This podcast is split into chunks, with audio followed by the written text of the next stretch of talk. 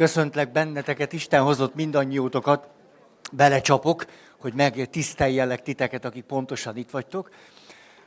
Van egy óra 14 percünk, és ha megpróbálom jól kitölteni ezt az időt, mégpedig ott járunk, hogy könyörtelen mérték, hiperkritikusság, hát túlzó kritikusság, kritikátlanul kritikus valaki.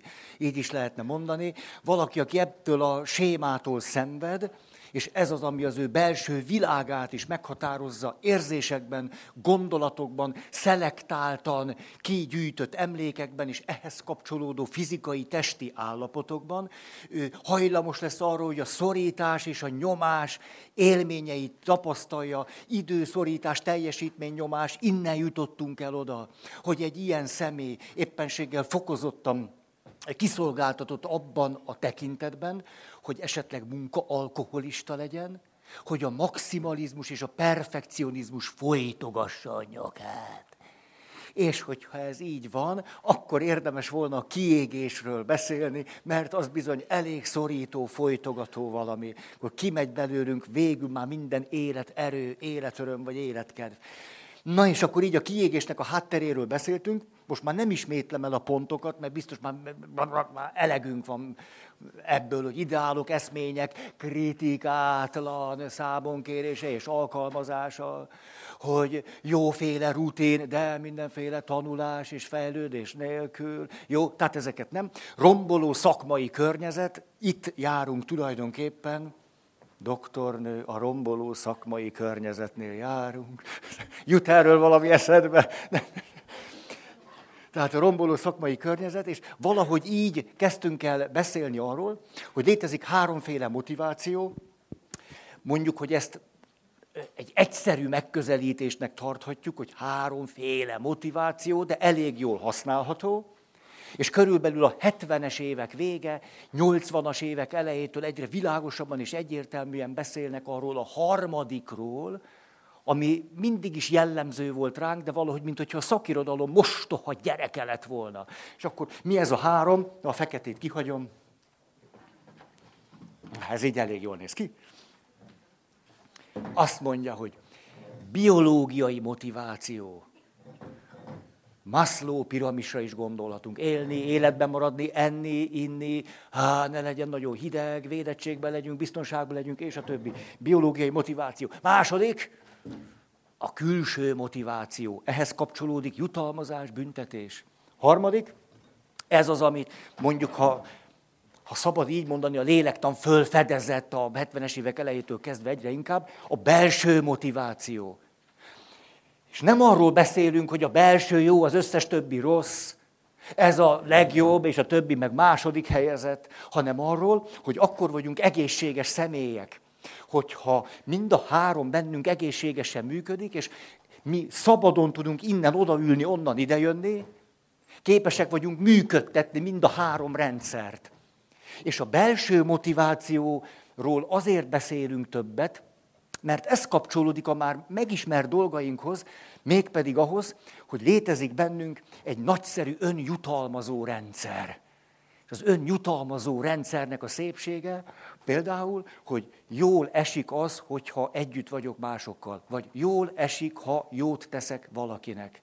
Á, jól esik az, ha önzetlen vagyok. Jól esik az, ha... Vagyis ez egy önjutalmazó rendszer.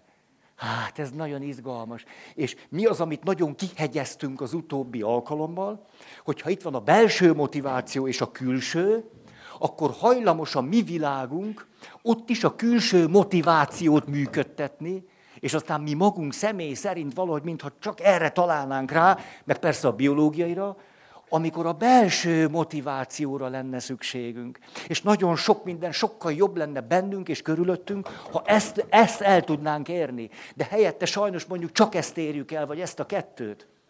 Erről volt szó. És akkor mondjuk hozok példát. Ugye, most mindig csak a szöveg. Képzeljük el, hogy én egy munkavállaló vagyok. Itt ülök a narancsszéken, és azt mondom, valamiből meg kell élni. Tehát kaja kell, kőkaja.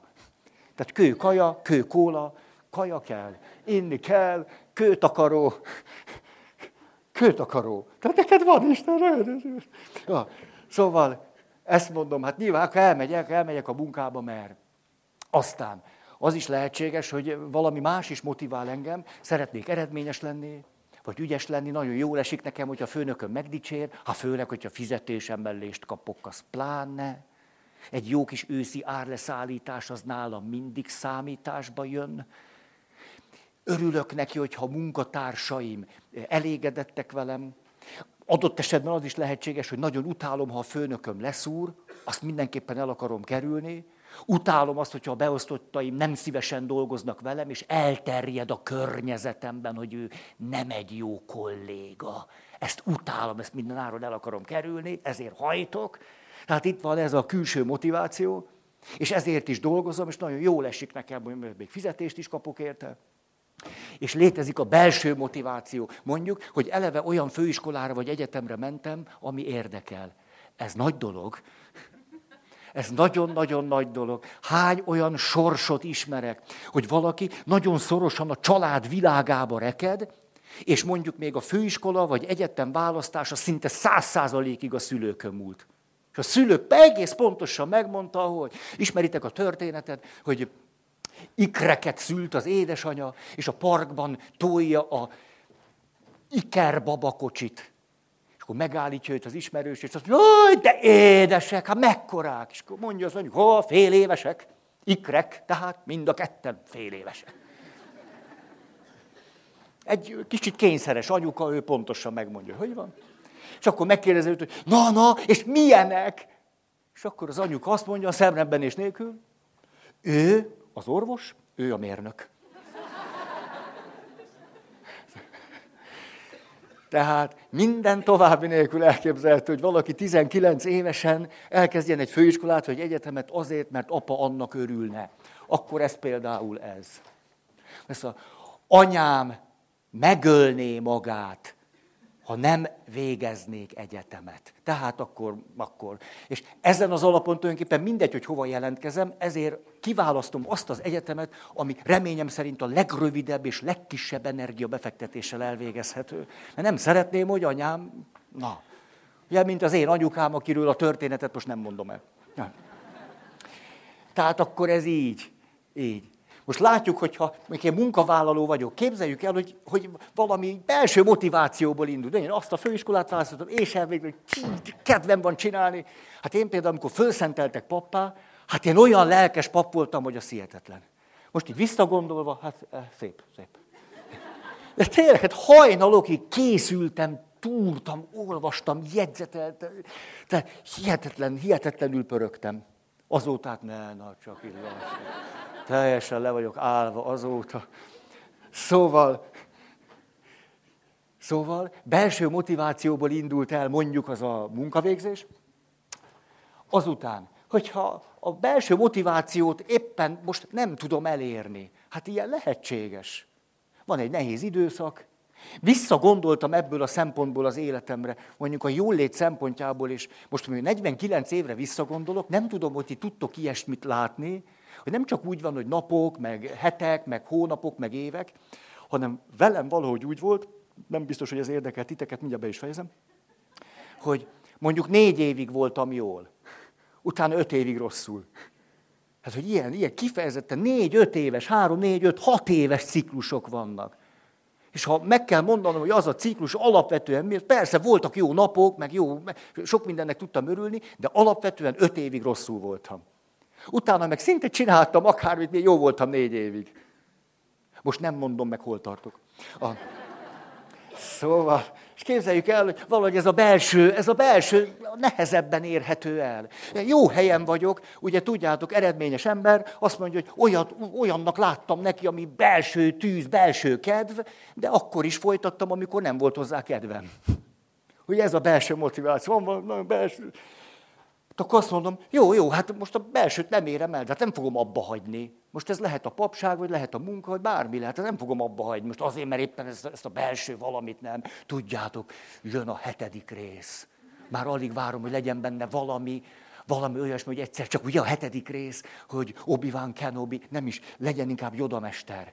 Hogy Jodamester egyszer csak azt mondja, hogy Luke Luke. Na, tehát itt van lúkozás, itt nincsen. Tehát itt semmi, föl kell ezt csinálod. De ez nem azt jelenti, hogy, hogy, hogy boldogtalanság az egész, hanem a külső motiváció nagyon inspirál. Az emberek, akikkel találkozol, a feladatok, aztán az, hogy valami születik, valami alakul, visszajelzéseket kapsz, hat rád az, ha valakinek nem tud segíteni, attól szoború leszel, akkor tovább csinálod. Ah, nagyszerű, hogy ez működik. Jutalmazás, büntetés, külső motivációs rendszer. Tehát attól, hogy ez egy csodás dolog, azt érzed, na, szükségünk van erre. És az is elképzelhet, hogy egyiket se tudom éppen elérni. Rossz napjaim vannak. Hát az nekem egy-két év. És akkor volt a papnevelő intézetben egy fiatal srác, minden évben jellemzéseket kellett rólunk írni, és őról a jellemzés így szólt, valamelyik évben, rendes állapota a krízis. Azóta felszentelték egy nagyon jó fejpap. Jó, az élet mélységeivel most is sok köze van. És a, tényleg, hát aki állandóan krízisben van, nagyon megértő tud lenni mindenkivel, aki szenved. Ugye, aki mindig jól van, hát hogy kapcsolódjak hozzá? Nem? Hát nagyon idegesítő tud lenni. Ugye, hogy így van? Hogy valaki, aki mindig azt mondja, kedves barátom, munkatársam, azt mondja, te Feri, most hallottam egy, egy nagyszerű beszéd volt a missziós hétvégén. Missziós vasárnap. Azt mondja, olyan lelkes volt a pap, már nem lehetett hozzá kapcsolódni. Hát, hol, hol, hol fogom ezt meg? Hol, hol, tudok találkozni vele? Lehet, hogy én nek, magamnak is van olyan élményem, valaki kiáll, és hogy a hitéből mondja, és hogy egyre jobban elszigetelődök tőle. Azt mondja, hát ő ilyen, én meg ilyen vagyok. Most... Szóval képzeljük el, se a belső nem indít engem, se a külső nem indít, és itt vagyok, és azt mondom, jó, hát fizetést kapok érte. Nem egy rossz dolog, hogy, hogy megélek belőle. Most nem a papságról beszélek, de arról is beszélhetek. Hát tényleg jó. Most le, lehetne az, hogy semmit nem kapok ért, és akkor koldulok. Tehát így is lehetne. Hát miért ne lehetne? Ha lehetne. Például, na, hagyjuk. Ah, igen, mert jó, szóval, tudjátok, van egy mondás, hogy van azért néhány olyan dolog, amit Isten is csak hosszú gondolkozás után tud, hogy hány női szerzetes rend létezik, vagy hogy miből van pénze a ferenceseknek, vannak, na, na, de most ez nem témánk. Szóval. Tehát nagyon is rendben van az, hogy néha egyszerűen fölkelek azért, egyszerűen azért. Jó, hát ez a munkám, most azt nem tudom elérni, de ez a munkám. Bemegyek, és nyomom, és tolom, és rendben van. És egyszer csak történik valami, egy találkozás, egyszer csak valami belülről elindul. Há, ismeritek azt, hogy gyerek hánykolódik reggel? Nem megyek be az iskolába. Anyukája oda megy. Pistike. Kelj föl, itt az idő. Nem, nem megyek be, nincs kedvem. De ide figyelj, Pistike, miért csinálod minden reggel a feszkót? Most már keljél ki, most meg a fogad, zuhanyoz le, gyerünk. De nem, nem, nem, nem szerettek a gyerekek. Ide figyelj már, Pistike. Pistike? Petike? Pisti, jó. Ide figyelj, Pistike. Pista. Nem csak akkor megyünk be az iskolába, amikor kedvünk van hozzá. Ez a kötelesség. Nem, nem megyek be. Nem, nem, nem, nem, szeretek a gyerekek is, nincs kedvem hozzá. Nem megyek be. Mondj egy valamit, amiért bemenjek. Anyuka ez a Pisti, te vagy az igazgató.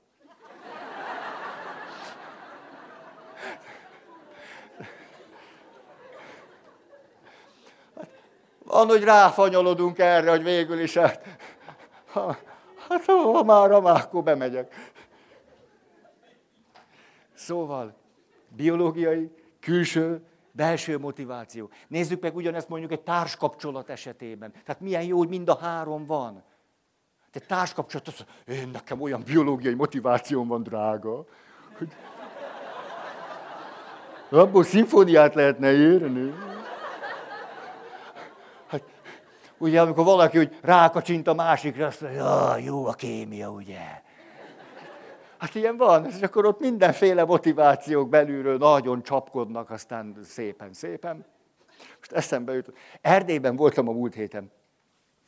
Hát, érdekes tapasztalat. azt mondja, igyekszek minden év belmenni, és akkor is körút, és minden nap egy előadás. Na, tartottam egy, egy előadást, boldogan elégedetten a társkapcsolatban. Megvárt engem egy hölgy a végén, hát sokan megvártak, alá kellett írni mindenféle könyveket. Kérdeztem az egyiktől, hogy, mert szoktam kezdeni, hogy, hogy milyen nevet írjak bele. Rám néz értetlenül, hát a magáét.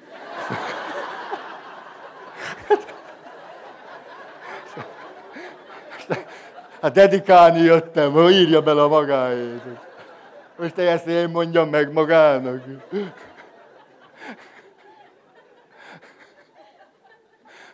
Jó, hát beleírtam a magamét, és írja azt, hogy Józsinak. Jó, hát én már nem szóltam. Nem, nem. Erre is biztos mondott volna valamit, és akkor nem szerettem volna hülyén elmenni.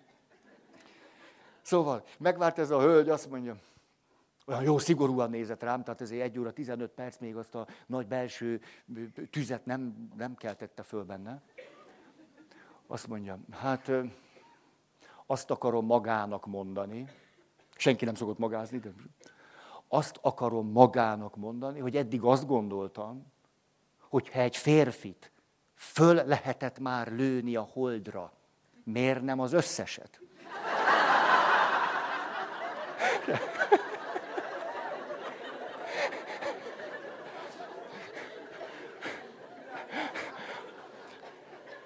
És akkor gyanítom, bár a kapcsolatunk tovább nem fejlődött, hogy a biológiai motiváció valami halvány árnyékától indítatva azt mondja, de már közben ment is el.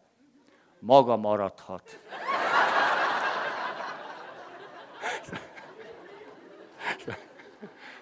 Szóval, hát jó ez, hogy van biológiai motiváció. Hát volt egy neves, hát nem is tudom, de, de, de, nem a nevesen gondolkoztam, hát neves. Tudjátok, hogy szeretem ezt a kifejezést. Ez annyira jó, mert azt mondja, egy neves szakember. Hát mindenkinek van neve. Tehát ez egész biztos, hogy ezzel nem tévedek.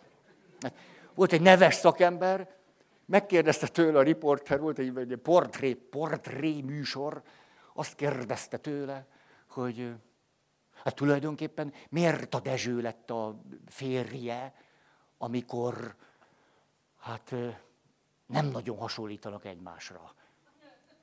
Tehát, hogy se az érdeklődési kör, se egyebek. Na, jó, ezt most abbajtam.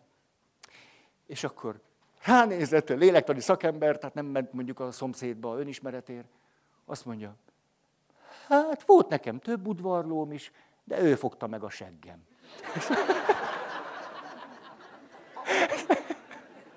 Ezzel az egyszerűséggel.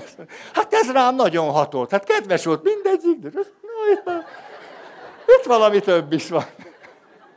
Hát lehetetlen, hogy ebben ne legyen valami élet, vagy realitás, vagy valami, hogy ez hiteken hagyjon minket. Vagy lekeverek egyet, vagy azt mondom, akkor mikor veszem már el. Hát sok kimenetele van, de azért csak hat rám. A, tehát biológiai motiváció, de nyilván ebben, ebben más is van. Na, de egyszerű, egyszerűsítsük.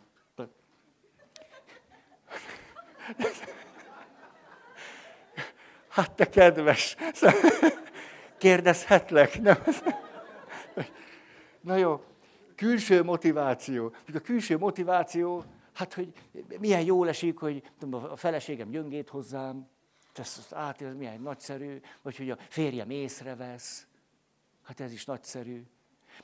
Törődünk, gondoskodunk egymásról. Néha a férjem azt hogy milyen szép voltál tegnap, csak akkor nem. Miért nem tudsz most is ilyen lenni? Úgyhogy egy mondatban juthalom meg a büntetés, ez, a leg, legcifrább. Ugye? Tehát, hogy egyszer az emberi kapcsolatból származik valami olyasmi, hogy kívülről megerősít és motivál, és azt mondja, ó, látom, hogy megint levitted a szemetet. Ugye, és ez egy dicséret, és azt tényleg, ha levittem, az egész lakást kiporszívoztam, de ennyit vett észre. Azért ez mégiscsak engem tovább motivál, de lehet, hogy éppen lelomboz, és mi van a többivel. Jó, tehát Harmadik, belső motiváció. Hát, hogy szeretem. És akkor most képzeljük azt el, hogy nehézre fordul az élet. Jön a hormonális puff.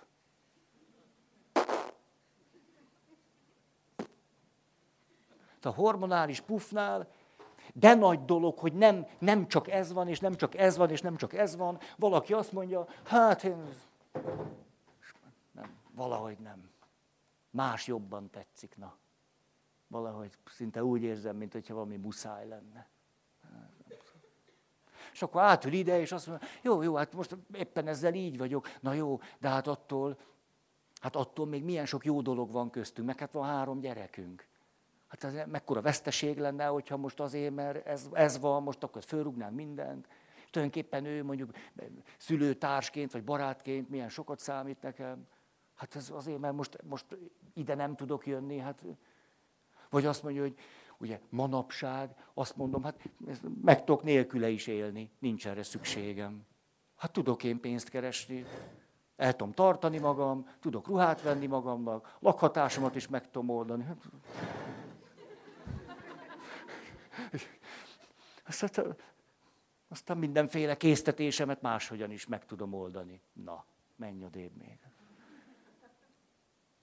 Hát nagyon jó, hogy ez a szék is van hogy tudok mérlegelni. Most a szónak inkább átvitt értelmében jutalmakat és büntetés, hogy mit nyerek és mit vesztek, hogy mi értékes ott, és nagyszerű, hogy ez így van.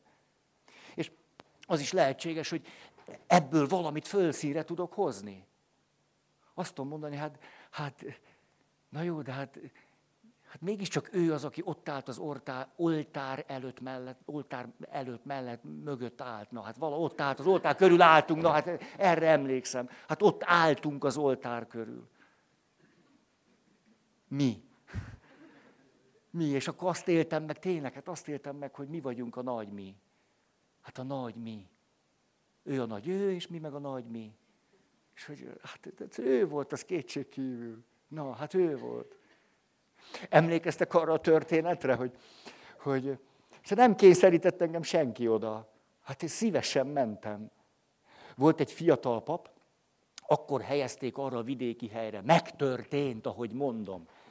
Oda helyezték, és hát persze nehéz helyzetbe került, mert az előző atyát nagyon kedvelte Isten népe. Őt pedig ezért hivatalból is utálták. És ő ezt érezte, hogy hát ez, ez, ez, és Pár hónapja volt csak ott, esküvő. Olyan kritikusan méregették de hát csak ő, ő volt ott az ügyeletes pap. Esketett. Egyszer csak, ahogy veszi a gyűrűt a vőlegény, puff, elgurul. Leesik a kezéből, eltűnik. Huna gyűrű. Először próbáltak, hogy ilyen, ilyen észrevétlenül zsebbel nyúltak, hogy Nincs a gyűrű. Na kezdett föltűnni a násznépnek is, hogy nincs a gyűrű. Annyira kínossá kezdett válni a helyzet, hogy már ott akkor a vőlegény is, pap is, hogy szinte négy kéz lábra, hát keresték a gyűrűt. Most akkor a pap azt mondta, gyertek, hát, aki még itt elől van, segítsen már, keressük együtt. Hát kéne a gyűrű az ösküvőhöz. És egyszer csak a pap észrevette, hogy hol van. De nem árulta el, hanem most jön, hát hogy is mondjuk, a papi finesz. Azt mondja, testvérek, álljunk meg! Eddig volt az emberi erőfeszítés. Hogy, hogy nem fordultunk még az Úrhoz. Most üljön le mindenki, imádkozzunk Istenhez, hogy világosságot hozzon, és a Szentlélek kegyelme segítségünkre legyen, és megtaláljuk azt, ami kell ehhez a nászhoz. És akkor... Vége lett az imának, azt mondja, tudom, hol van. Na az emberek... Mert ahogy a vőlegény hajladozott, képzeljétek el, föl volt hajtva így a gatyaszára. És a gyűrű így beesett oda. És ő pedig mint aki megvilágosodott, oda ment a vőlegényhez, benyúlt is. Attól kezdve volt tisztelet. Szóval éppenséggel ez is föl tud bennem elevenedni, ide vissza tudok térni egy házastársi konfliktus, vagy nehézség, vagy nehéz időszak során, de jó, hogy mind a három van. És egyáltalán nem baj, hogy most éppen, éppen itt vagyok, vagy ott vagyok, vagy amott vagyok. Jó, hogy mind a három van. És nehéz, hogyha nem tudok elég szabadon innen, oda, onnan, ide jönni. Vagy valamelyik nem érhető el, akkor nehéz. Erdélyben kérdeztem azt, akárhova mentem, szerelemből házasodtok-e, vagy nem? Hát miért volna az evidens, hogy úgy házasodtok? És ott Sepsi Szentgyörgyön azt mondja a lelkész, na ez egy jó kérdés, mert azt lehetne mondani, hogy három nemzedék, három stílus. A nagyszülőknél nagyon gyakori volt, hogy a szerelem nem számított. A szülőknél úgy vegyes, és most a mostani fiatal nemzedék, akik most 25-30-asok, na hát ott már úgy vannak, mint mi. Ez három nemzedék és három külön-külön világ és kultúra. Há, hát akkor most nehéz, nehéz, nehéz ide visszatérni a társkapcsolat szempontjából. De lehetek motivált, belülről motivált, belülről, ami nem a társkapcsolatban a társamra vonatkozik, mint mondjuk szeretett férjre vagy feleségre, hanem belülről lehetek motivált, azt mondom, hogy, hogy én szeretném, hogyha ő boldog lenne. Hát ez a micsoda, mondjuk bátorság vagy kockáztatás, hogy ő hozzám jött. Hogy én nagyon megbecsülöm őt azért, hogy kiszolgáltatta magát az én gyarló szeretetemnek. Az, az nagyon megrendítő dolog. És ez rám nagyon mélyen hat. És egy életen keresztül érzem annak az ösztönzését, hogy én meg akarom becsülni azt, hogy valaki kiszolgáltatta magát nekem az én gyarló szeretetemnek. Ez meg, meg tud engem rendíteni, és ez engem nagyon mélyen motivál. És egy bizonyos dolgokat elkerülök emiatt. Mert látom az ő esendőségét, és az ő bátorságát, és bizalmát, és látom az emberi életnek ezt a töredékességét. Hát, és ez belülről engem egy mély tiszteletre indít. Hát ez is lehetséges, miközben lehet, hogy nincsen szerelem. Hát, nem muszáj, hogy legyen. Na most, emlékeztek, beszéltünk, hogy ennek a vallásos, akár egyházi vonatkozása, hogy mondjuk, ha az üdvösségre gondolunk, az egy elég egyházias dolog. Olyan vallásos. És akkor azt mondjuk, hogy hát van, akit elsősorban mi motivál? Hát azt mondja, hogy, hogy hát ez élet-halál kérdés. Hát örök élet, örök pusztulat, örök üdvösség, vagy kárhozat, vagy nem, ez, ez, ez, ez, de hogy nekem bajom legyen. Nem, az az, az élet-halál kérdés. A másik azt mondja, nem, nem, nem, ez ilyen jutalom büntetés dolog ám. Tehát ugyan, jó, ráhajtunk, nyomjuk, jó emberek vagyunk, és utána vörös szőnyeg, és akkor Péter ott áll, és mondja, ó, gyere be, atyám örömébe, te atyám áldotta, gyere, még puszit is adok neked kettőt. Nem, hát ez, ez igazán. Te szépen végig toltad. Ez igen. És olyan is lehetséges, hogy valakit nem ez meg nem az motivál, hanem valami belső késztetése van, hogy egy személyes viszonyban legyen a, az odafönt valóval, akit ő úgy tapasztal meg, mint egy szemét. Ez egy belső késztetés. Lehet, hogy az életében szinte egyáltalán nem is, vagy alig játszik szerepet azt, hogy jutalmazás, büntetés, hát ezt nem úgy fogja föl. Hát mikor mondjuk egy férfit a felesége szeret, azt nem csak úgy lehet fölfogni, hogy éppen megjutalmazta őt. Hanem, hogy kölcsönös szeretet kapcsolatban vagyunk. Hát ez nem jutalom kérdése, hanem éppen kifejezzük egymás felé azt, azt hogy, hogy milyen fontosak vagyunk egymásnak. És ezt a kapcsolatot szeretnénk hosszú távon. Hát és engem a félelem nem tarol le. Hát ezt eszembe se jut, hogy most az élet, halál, e, ilyen téma lenne ez. Hát ez eszembe se jut. Hát szeretek valakit. Ez... Szóval akár a hitéletnek a mozgató rugója vagy motivációja is lehet biológiai, élni, halni, külső jutalmazás, büntetés, és akkor teljesítmény, és jó ember vagyok, és tessék, ezt tudom nyújtani, és kérem és lehet valami nagyon belső. Van egy olyan gyanúm, hogy a, a mi egyházi világunkban ugyanaz megtörténik, ami egyébként is megtörténik, talán még inkább. Ez pedig az, hogy a külső motiváció letarolja a belsőt. Így Jól el is fedi. Ne, ne is nagyon lehessen látni. Ez a biztos. Jutalmazás, büntetés, ez a biztos. Néha egy kicsit vegyítjük, hogy élet-halál, ugye értitek. És mi lesz aztán ennek a következménye? Hát egy, mondjuk egy olyan kereszténység, amiben nincsen kedvünk lenni. Az lehet, hogy nagyon értékes, csak nem esik jól. Lehet, hogy nagyon értékes, csak nem vonzó. Lehet, hogy nagyon nagyszerű, csak úgy, úgy érezzük, hogy ennyi lenne az egész. E, ez lenne. És itt csak egy picit írogattam ebből, hogy uh, uh, uh, uh, nincs is itt. Nem. Ez ho, hogy van? Segítség! Nincs, aki hallja. Na tessék, magamra maradtam, ilyen az.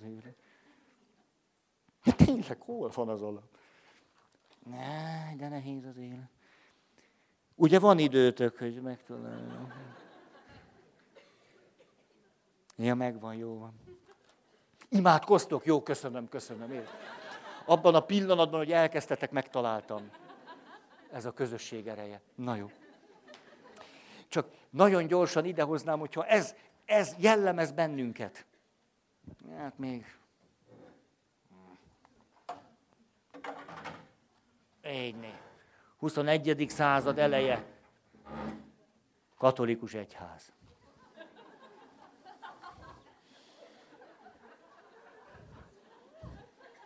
Mária rádió hallgatóinak szeretném üzenni, hogy egy szép dolgot alkottam itt. Szép, színes. Akkor csak nézzük végig, hogy mi történik. Mit tudunk arról, hogy a külső motiváció, hogyha a belső helyébe lép, akkor mi történhet. Mondjuk az első, hogy el fogja nyomni a belső motivációt. Egyre kevésbé érzek késztetést arra, hogy templomba menjek, vagy imádkozzam.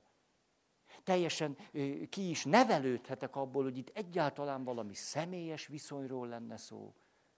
És végül is szinte semmi más nem foglalkoztat, mint hogy hát, ha van is benne valami, hát megpróbálok valahogy úgy a, még, még akik beférnek kategóriába átcsusszanni.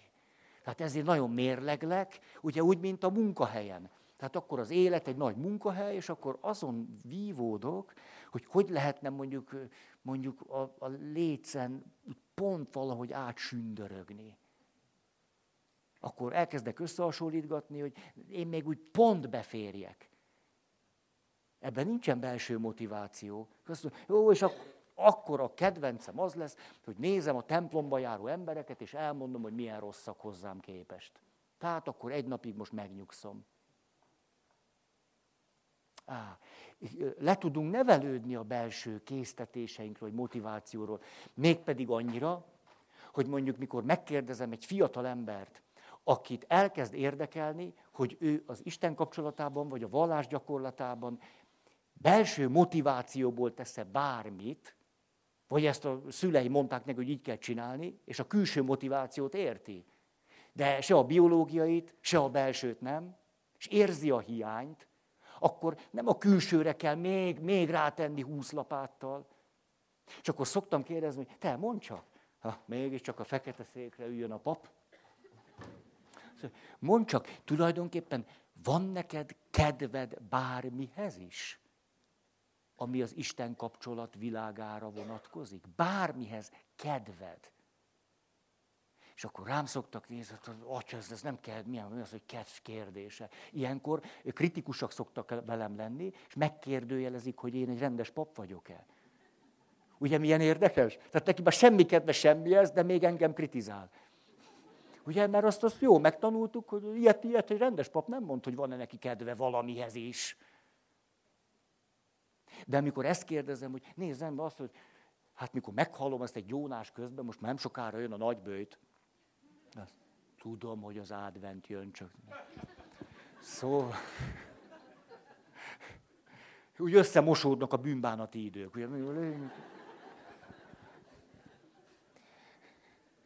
Szóval, amikor azt kell hallanom mondjuk a bűnbánat, bűnbocsánat szentségében, hogy hát, többet kellene forgatnom a Szentírást.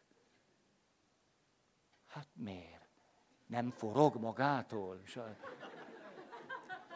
Vagy ez egy fogadalom, hogy forgatom a Szentírást, és mikor meghallom ezeket a kívül, így kellene, tudom én, hogy a többet kellene imádkozni, akkor mit tudok erről, hogy nincsen belső motiváció.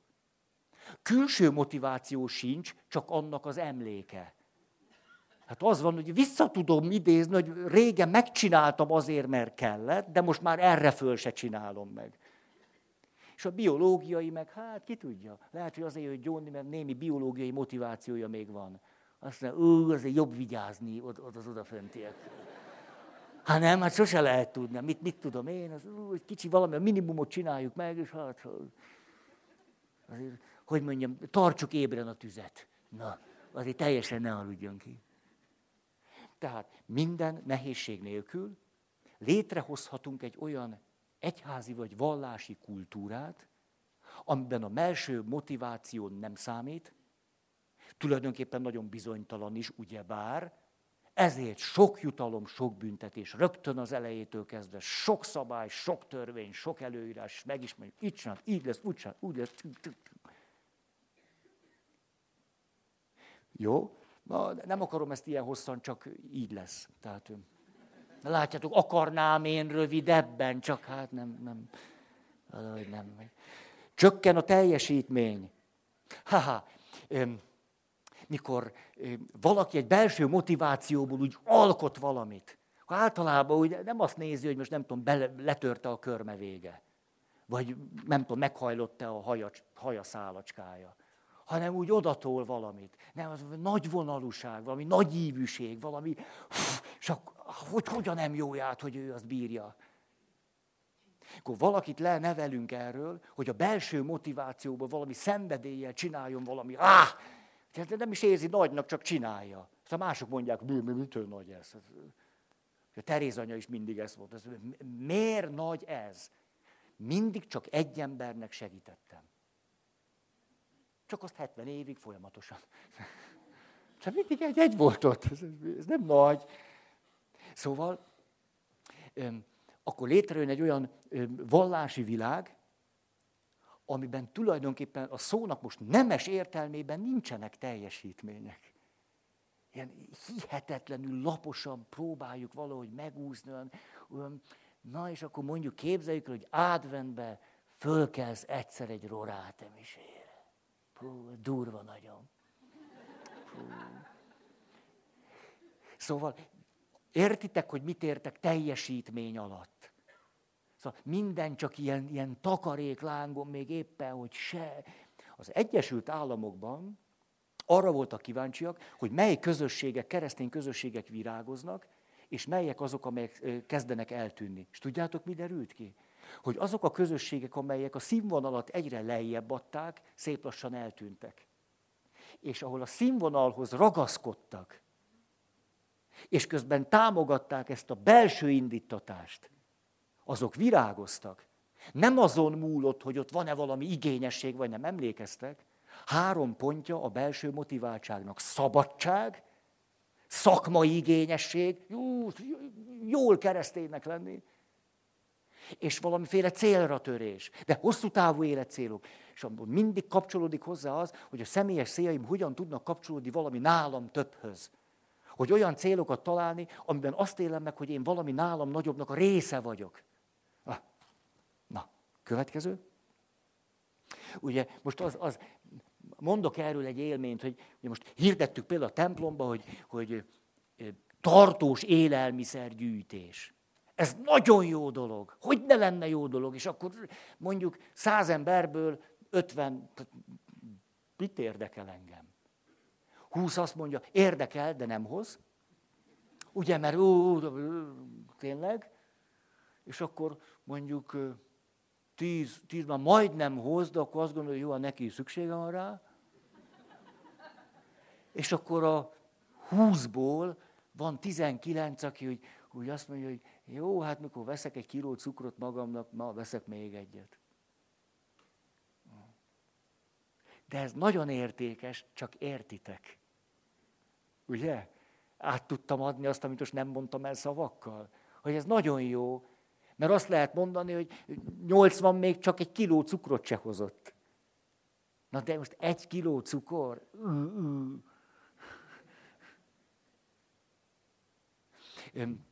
A Jós utcában volt egy hatalmas gázrobbanás, vagy 30 éve. Ott azt hiszem a nyolcadik emelet. És akkor én éppen önkéntes voltam egy szeretett szolgálatnál, és hát engem hevített ez, hogy ott lenni, ahol zajlik az élet. És én oda rohantam, és, és, és tudjátok, ott ez annyira 80-as évek vége, 90-es évek legeleje, mert nincsen még az ellátórendszer kitalálva. Tehát te oda mész, oda mentem önkéntesként, és egyszer csak azt vettem észre, hogy nem tudom, 200 embernek a, a, a szállásáért felelek, és hogy így lakik, és úgy lakik, és... Tehát komolyan, így, így ment. Hát, és mikor hajnali négyre mindenki valahogy lefeküdt ott, ahol tudott, és egyszer csak csöngetnek. De én akkor már aludtam tíz perce, és azt gondoltam, hogy megfojtom, aki jön.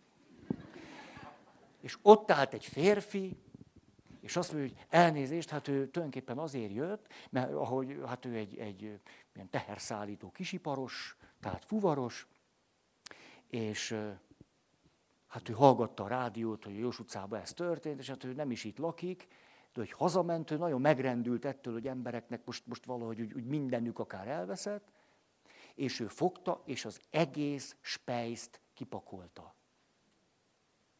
Berakta a furgonba, de úgy, ahogy mondom, tehát nem, nem az egy kiló cukrot rakta be, az egész spájz ott volt a furgonba, és el tudjátok képzelni, hogy hajnali négykor ketten behoztuk az egész spájzt.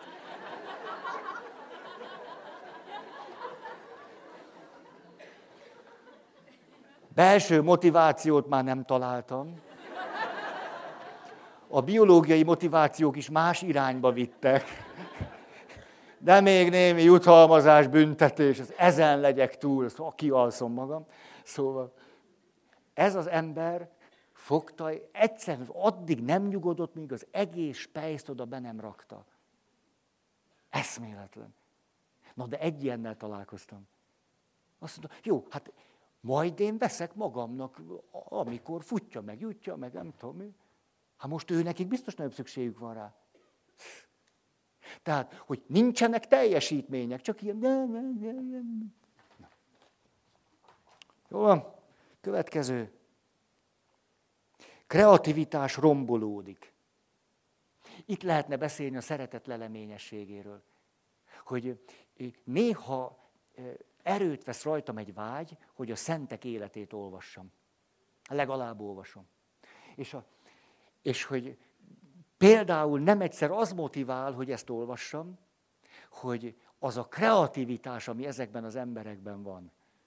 Hogy senki másnak az nem jutna eszébe, és akkor elmondok nektek most Boszkó Szent Jánosról egy történetet, az egyik kedvencem. A kreativitásról. Nem készültem rá, de látjátok, az egyház elég instabil mostanában. Szóval, Elvesztette néhány gyökerét, az biztos. Azt mondja, hogy nem csak, hogy bolondnak tartották, volt olyan, hogy ilyen, hát fogva tartott fiatalkorúak börtöne. Azt mondja, hogy, hogy hát lehetetlen, hogy csak, csak ilyen jutalmazás, büntetés, meg főleg a büntetés, hát, hát élő emberek, hát lehetetlen, hogy más se tudunk velük csinálni. Hát ismerem ezeket a kölyköket, hát egy csomó jó van bennük. Akkor oda ment az iskola, a, a börtön igazgatójához. Azt mondja, hogy igazgató úr, szeretném őket elvinni egy napos kirándulásra. Értitek ezt? Hát épeszű ember ilyet nem, nem gondol. A drámai pillanat. Épeszű ember ilyet nem gondol. Ő a fejébe vette, hogy ő ezeket a fiatal körül a börtönben lévő srácokat kiviszi egy napra kirándulni. Ez volt mondjuk 150 éve. Tehát ez nem, nem úgy ment. A miniszterig kellett mennie. Mindenki mondta, hát ilyen marra nem hallottam, de én nem vagyok illetékes. Végül a miniszter megengedte neki, de azt mondta, hogy csak akkor, ha ígéretet tesz rá, hogy minden gyerek este a börtönbe visszamegy. Erre azt mondja, rendben, én ezt megígérem. elmondja a gyerekeknek, figyeljetek, akkor tudlak kivinni, levágják a fejem. Elment velük egy nap kirándulásra, és mindenki visszament. Mindenki. Betyár becsületből. Ezekért a húzásaiért azt mondták, hogy bolond. Meg hát nyilván, emlékeztek, romboló szakmai környezet. A többieknek ez nem esett jól. Akkor elkezdjük vakargatni magunkat, hogy hát ha ő ilyet csinál, akkor mi mit, mit csinálunk tulajdonképpen, vagy minek vagyunk itt, vagy mi irodakukacok lettünk, vagy, vagy, vagy hivatalnokok, vagy, vagy mi, mivé váltunk. Ugye, és akkor, na, paptársai elintézik, hogy fogadják őt az elmegyógyintézetbe. Mert hát, hogy bolond. Be akarják őt oda csukatni. És trükköt eszelnek ki, ugye még lovaskocsis korszak van, hogy elmennek ért, és mézes, mázosan, kedvesen ráveszik, hogy beszálljon a lovaskocsiba, és aztán majd mondják, hogy elmegy gyógyintézet, ott meg már várják. És Boszkó János meg tudja, hogy valami ilyesmi van. És gyagyának teteti magát, ez az éberségét a többieknek elveszi, és amikor ott vannak a lovaskocsinál, azt mondja, jaj, hát parancsoljatok, üljetek be. És amikor beülnek a többiek, rájuk csukja az ajtót, azt mondja, menjenek a célhoz. Szóval a kreativitás, ugye így lehetne mondani, a szeretet leleményessége hogyha csak külső motiváció van, hova a nagy leleményesség, meg a nagy kreativitás? Minek az? Megpróbálunk valami szintet éppen csak, hogy tartani, nehogy nagy baj legyen. Következő. Jóra való törekvés háttérbe szorul. Na de akkor mi kerül előtérbe? Na a büntetéstől való félelem. Elkezdünk küzdeni a rosszal. Megpróbáljuk minden állna rossz, a rossz, a rossz, a rossz. Ezt nem is akarom mondani, hogy milyen más élet az, amikor valaki a jóra törekszik, nem pedig a rosszat akarja legyőzni. Hát a rosszat nem lehet le, hogy győzöd le a rosszat? Nem, a rosszat, a hasztalan élet. Következő. Erkölcstelenségre, csalásra csábít. Az, hogyha csak a külső motiváció van, és főleg, hogyha a belső motivációval szemben is az működik. És akkor látjuk, emlékeztek a múltkori gyóntatási történeteim, hogy hogyan próbáljuk a papot meggyőzni arról, hogy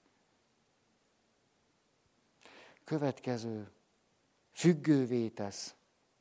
Hát Hambas Béla erre azt mondta, elkezd bennünket jellemezni az üdvgörcs.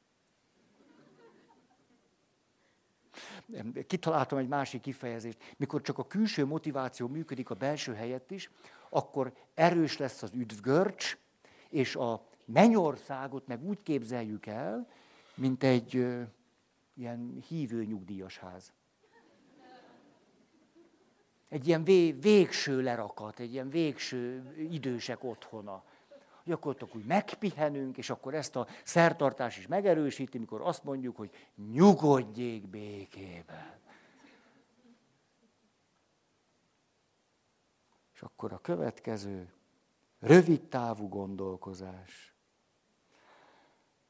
Rövid távú gondolkozás lehet az is, hogy ah, mindegy, ezt a 40 évet valahogy végig, végig túrom, csak kibírom. Ó, hát most már csak nem szúrom el, 40 év. Ismeritek azt a történetet, hogy egyetlen ember évezredek óta bűntelenül érkezik Szent Péter elé. Ugye ez teológiailag már, már is nincs így, de képzeljük el, ez egy történet. Megdöbbenve tapasztalja ő a külső motiváltságtól ihletett személy, hogy a mennyország ajtaja tárva, nyitva, és Szent Péter olyanokat is betessék el oda, akikkel szemben ő újból és újból megállapította, hogy de jó, hogy nem vagyok ilyen, mint ő. És akkor erre ráförmet Szent Péterre, azt mondja, hát hogy merészelsz te ilyeneket is beengedni? Hát tudod te, hogy hogy éltek? Mire a Szent Péter azt mondja, hát tudom, hogy éltek, De tudod, az Isten megbízott azzal, hogy őt is, meg őt is, meg őt is engedjen be. Mire elkezd dühöngeni az ember, azt mondja, hát ha én ezt előre tudtam volna, nem szúrom el az egész életem. Ez a külső motiváltság. És a belső meg nulla.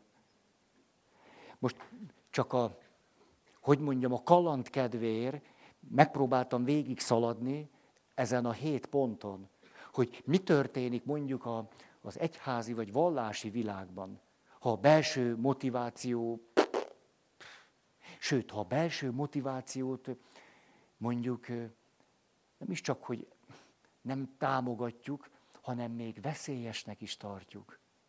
Márpedig miért ne tartanánk veszélyesnek? Hogy, hogy fog az majd a mi jól kitalált rendszerünkbe illeszkedni? Hogy valaki szabadon, kreatívan. Na értitek? Valamiféle belső indítatásból. Na, na, na, na. Dostoyevsky nagy inkvizítor. Á, ajánlom mindenkinek. Na akkor, hú, hol tartok? Ú, mm. Azt mondja, hogy hol van a lap? Szerintem ugyanazt keresem, amiből eddig olvastam. Igen. A, na, gyere, megszabadítlak.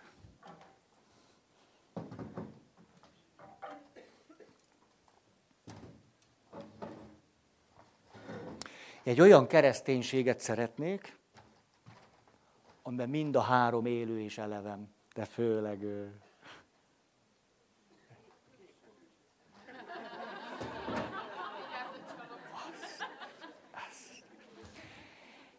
Mindig megdobogtatja a szívem a lényeglátásnak a parádéja. Jó, jó na. Mm. Tartottam egyszer egy előadást az elégedettségről a munkahelyen. Na nem sokan jöttek el, de a azt mondták, ilyen képtelen ideálokat nem hallgatunk meg. De végül, ha valaki azt mondja, hogy ez az egész, amit maga elmondott, egy marhaság. Ez úgy, ahogy van, hülyeség, mert az élet igazi mozgatórugója az elégedetlenség. Az elégedetlenség, az elégedetlen emberek elégedetlensége fűti a világot, és attól van fejlődés, és megy tovább az élet. Szerintetek ez hogy van? Nekem ez elég savanyú, és akkor most használnék két széket, már elnézést, hogy ha létezik belső motiváció, akkor lehetséges az, hogy egyszerre van olyan, hogy elégedettség és motiváltság. És a kettő nem szemben áll egymással. Hát éppen a belső motivációnak a lényege, hogy önjutalmazó rendszert működtet. Vagy hogy az egy része. Tehát ezért lendülök, csinálom egy belső késztetést, élek meg, és közben ez jól esik. Hát akkor azt tudom mondani, hogy te elégedett ember vagyok. Hát jó volt ez a mai nap. Visszanézek rá, azt mondom, fú, mennyi mindent kaptam ma is. És ez egyáltalán nem tesz motiválatlanná. Amikor valaki azt mondja, az elégedettség és a motiváltság nem fér meg egymás mellett, azt gyanítom, hogy nagyon átnevelődött a külső motivációra. Akkor mindig kell egy ostor. Ugye van ostor, akkor motivált vagyok. Eltűnik az ostor, pff, hát akkor már is leáll a motiváció. De a belső motiváltságnak a gyönyörűsége éppen az, hogy azért, azért, mert elégedett emberként tudok élni, ebből nem következik az, hogy jó, hát akkor leülök, azt ah, jó, van valami kaja. Ezt nagyon szépnek látom. Ahogyan beszéltük azt a három pont, szakmai igényesség. És akkor a céloknál pedig, hogy olyan célok is indítanak valamit, amely célok nem is érhetők el. És az mégis vonzó valakinek. Mert nem a célt akarja mindenáron elérni, hanem valami sokkal több történik. Hogy ahogyan a cél felé halad, az neki már örömet okoz. Ah, szóval, elégedettség és motiváltság kifejezetten pompásan megférnek egymás mellett. Ez a jó hírem. És most használnék négy széket. Mondjuk azt, hogy motiváltság, elégedettség, tegyük ide, mondjuk azt, hogy önbecsülés. Önbecsülés. Motiváltság, elégedettség, önbecsülés. Ha, még azt is ide rakom mondjuk, hogy teljesítmény. Valamit létrehozni. Ha van belső motivációs rendszer, akkor ez a négy is harmóniában tud lenni. Hát ezt nagyon örömtelinek látom.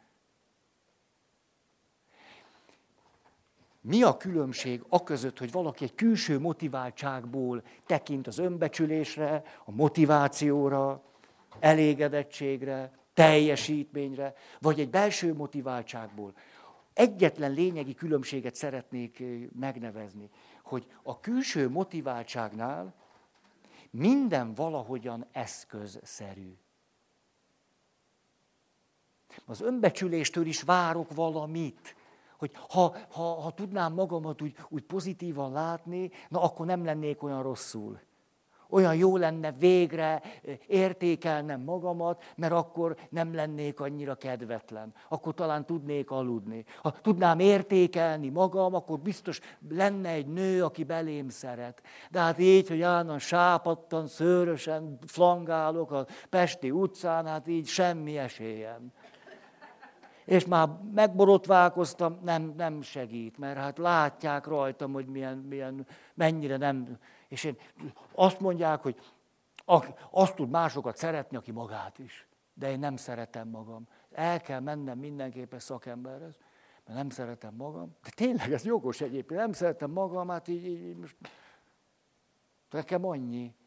Hát azért kéne szeretnem magam, mert hogyha becsülném, végre becsülném magam, akkor talán valakinek kedve lenne hozzám. Mert úgy hallom azt, hogy mindig panaszkodok, hogy ez sem megy, az sem megy, és hát tudom, a nőknek azért mégiscsak kell egy alfa. Na, hát mégiscsak úgy álljon ki, mint Viszocki. Akkor úgy tolja oda. Nem, tehát így, hogy így nyüglődök, nyüglődök, csak hát ez így nem, nem, ez így nem. De képzeljétek el, ez megihletett engem, hogy múltkor elmondtam azt a történetet, ahogy a West Endben összetévesztettek Besenyei Péterrel.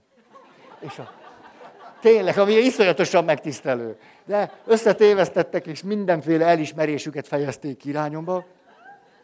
És tulajdonképpen ezt mind, mind el tudtam fogadni. Egy, egy valaminél akadtam el, mikor azt mondja, hogy na, itthon vagy megint? És akkor körbenéztem a West Endbe, és úgy, hát olyan sűrű, nem járok ide. Mi történt velem Erdélybe? Csíkszeredába érkeztem, kis panzió, ott állt egy hölgy a pult mögött, köszöntem neki, jó napot kívánok, most nem kezdem ragozni. Rám néz, azt mondja, ó, oh, hát maga volt itt néhány éve. De tényleg ott szálltam meg néhány éve, ezért bólogattam. Ő pont ott, megismert, tényleg én voltam, én voltam. Azt mondja, ha, hát nem sokat változott, rövidebb lett a haja. Hát gondoltam, tényleg voltam fodrásznál, nem olyan régen. És akkor rám kacsintott, mint aki, ah, mégis csak egy igazi recepciós, az így, így első látásra tudja, hogy ki mikor jött, azt ah, maga jött az intim tornával.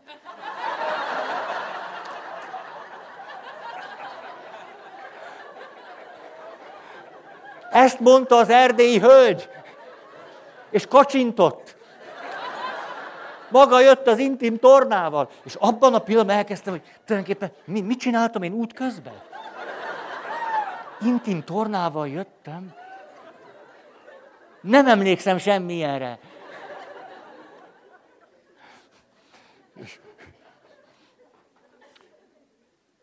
az ugye egy együttes. Az, tessék? Micsoda? De az mi?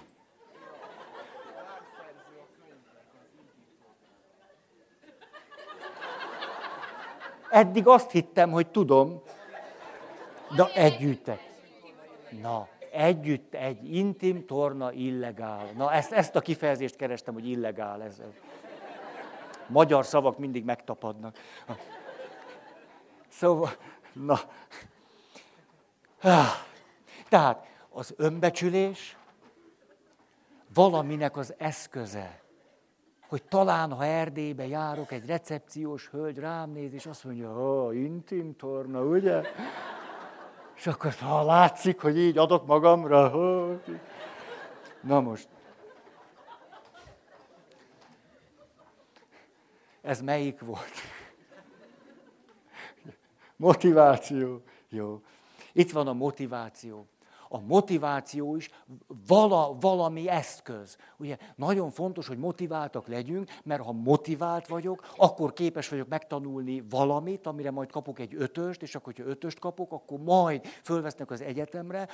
Ha azt elvégzem, akkor majd egy olyan munkahelyre tudok kerülni, ahol majd én nekem tulajdonképpen még az hogy karrierem lesz, ahol majd én valószínűleg előre jutok, de persze majd akkor ahhoz kell, és majd, hogyha ez mind megtörténik, de ez nagyon-nagyon sok motiváció kell, értitek, mert azért ez elég húzós, na akkor talán értékes vagyok. Esetleg akkor valaki értékel majd. Harmadik, ez volt az elégedettség. Az elégedettség sem önmagában áll, hanem azt mondom, jaj, egyszer muszáj lenne már kicsit jól lenni. Szóval ez szörnyű. Szóval, a körben nézek, látlak titeket, ti mind boldogok vagytok. Egy kicsit utállak is emiatt bennetek. Ez szörnyű, hogy ennyi boldog ember itt vihorásznak minden, itt, és én meg itt kókadozok. Hát ez rettenetes. Hát mint egy túlfejlett fejű kardvirág. Ilyen... Hát annyira jó lenne, tudnék egy, egy, egy picit, egy kicsit Nézem az időt. Jó, ezt nem akarom ezt öt percig. Tehát, hogy egy, egy kicsit elégedetnek lenni. Azt tudjátok, miért lenne jó? Akkor végre tudnék jól aludni. Végre, ugye, akkor egyszer kialudnám magam.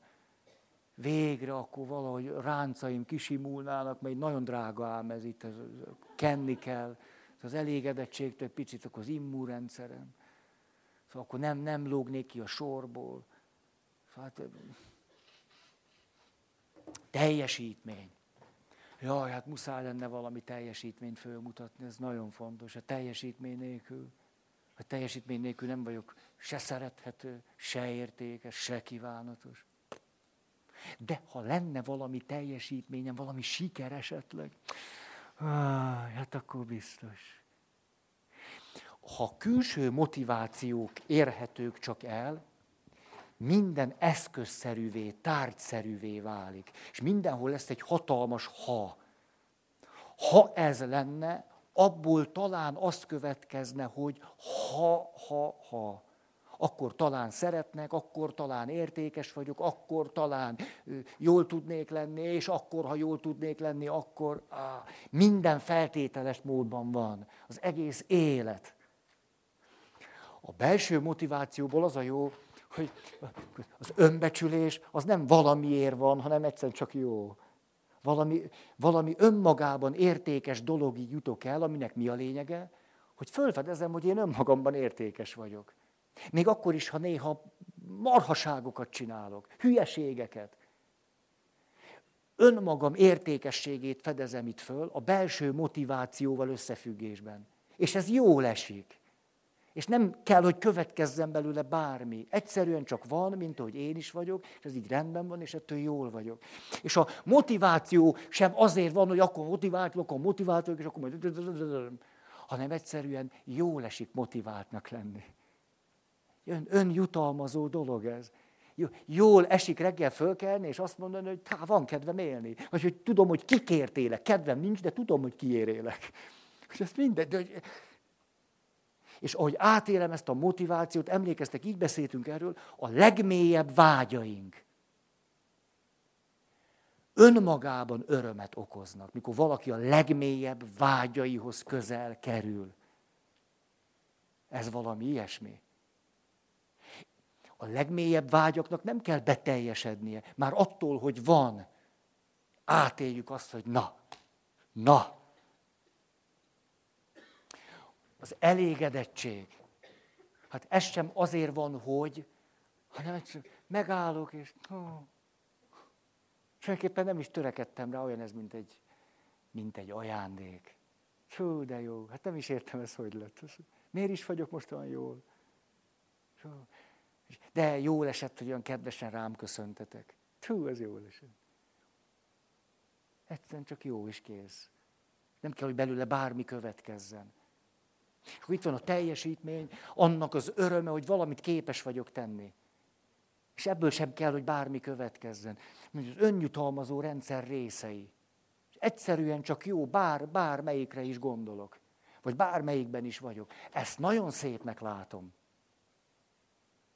És, és hogyha azt nézzük, hogy ma a legtöbb ember, hát mind a négyre úgy tekint, amitől, vagy amin keresztül majd még valamit megkaphat, amit ha megkap, akkor talán azt gondolhatná magáról, hogyha azt gondolja magáról, akkor talán még egy kicsit jobban is lenne. És ettől vagyunk rosszul. Hogy ez az önmagában vett értékesség, ez nem érhető el miközben van motiváció, és van teljesítmény, és van önbecsülés, és ez nem azt jelenti, hogy leülök, és akkor ennyi. Most akkor ezt a széket megint kiveszem. Hmm. Ugyanaz a cél. Ez lehet egy munkahelyi cél, lehet egy kapcsolati cél, egyáltalán, hogy mondjuk együtt maradni, vagy szeretett kapcsolatban kölcsönösen lenni, vagy az üdvösség. A biológiai motiváció, ugye, ez volt, biológiai motiváció, akkor mit mondok? Hogy amire törekszem, az egy szükségletből indul, és egy értéket fejez ki. Szükséglet és érték. Ugye az élet, vagy az életben maradás. Az étel, az ital, a meleg ruha, vagy egyáltalán nem egyedül lenni, ez egy szükséglet, és a szükségletekhez értékeket fedezek föl. Na, nagyszerű, hogy ez van. A külső motivációnál nem szükségletek és értékek jelennek meg, hanem jutalom. Ez, ez, ez, jutalom. Ezt elértem. Ezt megdolgoztam érte. Vagy ez a jussom. Jutalom. A belső motivációnál nem érték szükséglet, nem jutalom, hanem ajándék. Úgy élem meg, bármi is az, amire mint célra törekedtem, vagy amit elértem, hogy az ajándék. És hogy én megajándékozott vagyok. Itt az életet fönn akarom tartani. Itt azt gondolom, hogy na, jogom is van élni, meg is szolgáltam érte, van is mit tenni, mert megdolgoztam érte. Szeretnek is, mert rendes ember vagyok. Itt viszont azt mondom, akár mennyire igaz mind a kettő, akkor is csak ajándék. Hát ajándék és kész. Hát ne, nem álltam sorba az életért, egy pont után nem lehet érte megdolgozni, hát tehetek érte, hogy nem tudom, picit hosszabb legyen, vagy de hát... Vagy nézzük az üdvösséget. Itt azt mondja, hú, az üdvösség egy hatalmas érték. Vagy az, az, az, hogy az éleke, hát ez, ez, erre törekszem, mint egy értékre, és hogy belső szükséglet, hogy szeretnék üdvözülni. Itt azt mondja, hogy hát nem, én azon megdolgozok, bocsássatok meg. Nem csoda, hogy én fogok üdvözülni. Mert van is teljesítmény. És akkor emlékeztek a történetre, a, a, a, mikor a szőlős gazda, vagy mit tudom én, milyen gazda, embereket vesz föl a szőlejébe. Akkor van, aki egész nap dolgozik, a másik 8 órát dolgozik, 6 órát dolgozik, 4 órát dolgozik, van, aki egyetlen egy órát dolgozik, és mindenki ugyanazt a bért kapja. Aki a külső motivációt ismeri, és meghallgatja ezt a történetet, azt mondja, ez fölháborító igazságtalanság. Mert az a, az a fizetség, ami a munkáért van, az neki jár. Az egy juss. Az lehet jutalom is, mert persze lehet, hogy senki nem ad semmit. Tehát jutalom, de azért, azért én megdolgozom. És ezért a külső motiváltságú ember nem tud mit kezdeni azzal, hogy van egy gazda, aki egy óra munkáért is ugyan annyit ad. Nem, nem, nem innen nézve, ez csak egy szemét igazságtalanság, amivel nem lehet mit kezdeni. Mert az jutalom, és ő azt nem érdemelte meg. És akkor itt megakad a lemez. De van két irányunk, hogy ebben a történetben valamit felfedezzünk. Az egyik azt mondjuk, hát tényleg csak egy órát dolgozott, de kétség kívül van neki családja, és hogyha nem kap annyi bért, amennyi a megélhetéshez kell, akkor éhezni fog. De mi lesz a gyerekeivel? Hát nem csak azért adhatunk valakinek, mert jutalom, mert megdolgozott érte, hanem mert rászorul. Ebben a pillanatban a történet átvisz bennünket ide. Azt mondta, hogy, hogy te ezt elvesztetted, ezt a dimenziót? Hát minden, ami az életben van, vagy ami, a, amit kapunk, az nem csak juss lehet, nem csak jutalom lehet, hanem egyszerűen kaphatjuk azért, mert szükségünk van rá. És adhatjuk is azért. És itt van a harmadik, ott szükséglet és érték, itt jutalom, és itt ajándék. Mondjuk az üdvössége kapcsolatban valaki azt mondja, kétségkívül próbáltam, próbáltam ezt a kapcsolatot, a lehető leg, leg, leg, leg, leg. Hát próbáltam. Hát persze, hogy élni akarok, örökké akarok lenni azzal a valakivel, akit szeretek. De hát az üdvösség mégiscsak egy ajándék. Hát akár mennyire is mondhatom azt, hogy dolgoztam érte, akkor is lényegileg ajándék. És ez a három egymás mellett hordozza a maga igazságát. És azt gyanítom, hogy könnyű ezt elveszteni a mi kultúránkban. És akkor marad ez a kettő, és innen nézek, és azt mondom, hogy, hogy ő is ugyanannyit.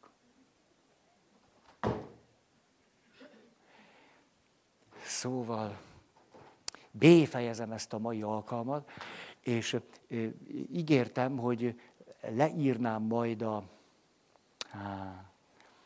a kiégés 12 lépése. Mert szeretünk értékes dolgokkal foglalkozni, jó kielemezni, hogy mit, hogy lehet jól. És akkor ezért. Szóval ez lesz majd a következő alkalommal. Nagyon köszönöm a figyelmeteket, ne felejtsétek el az intim tornát.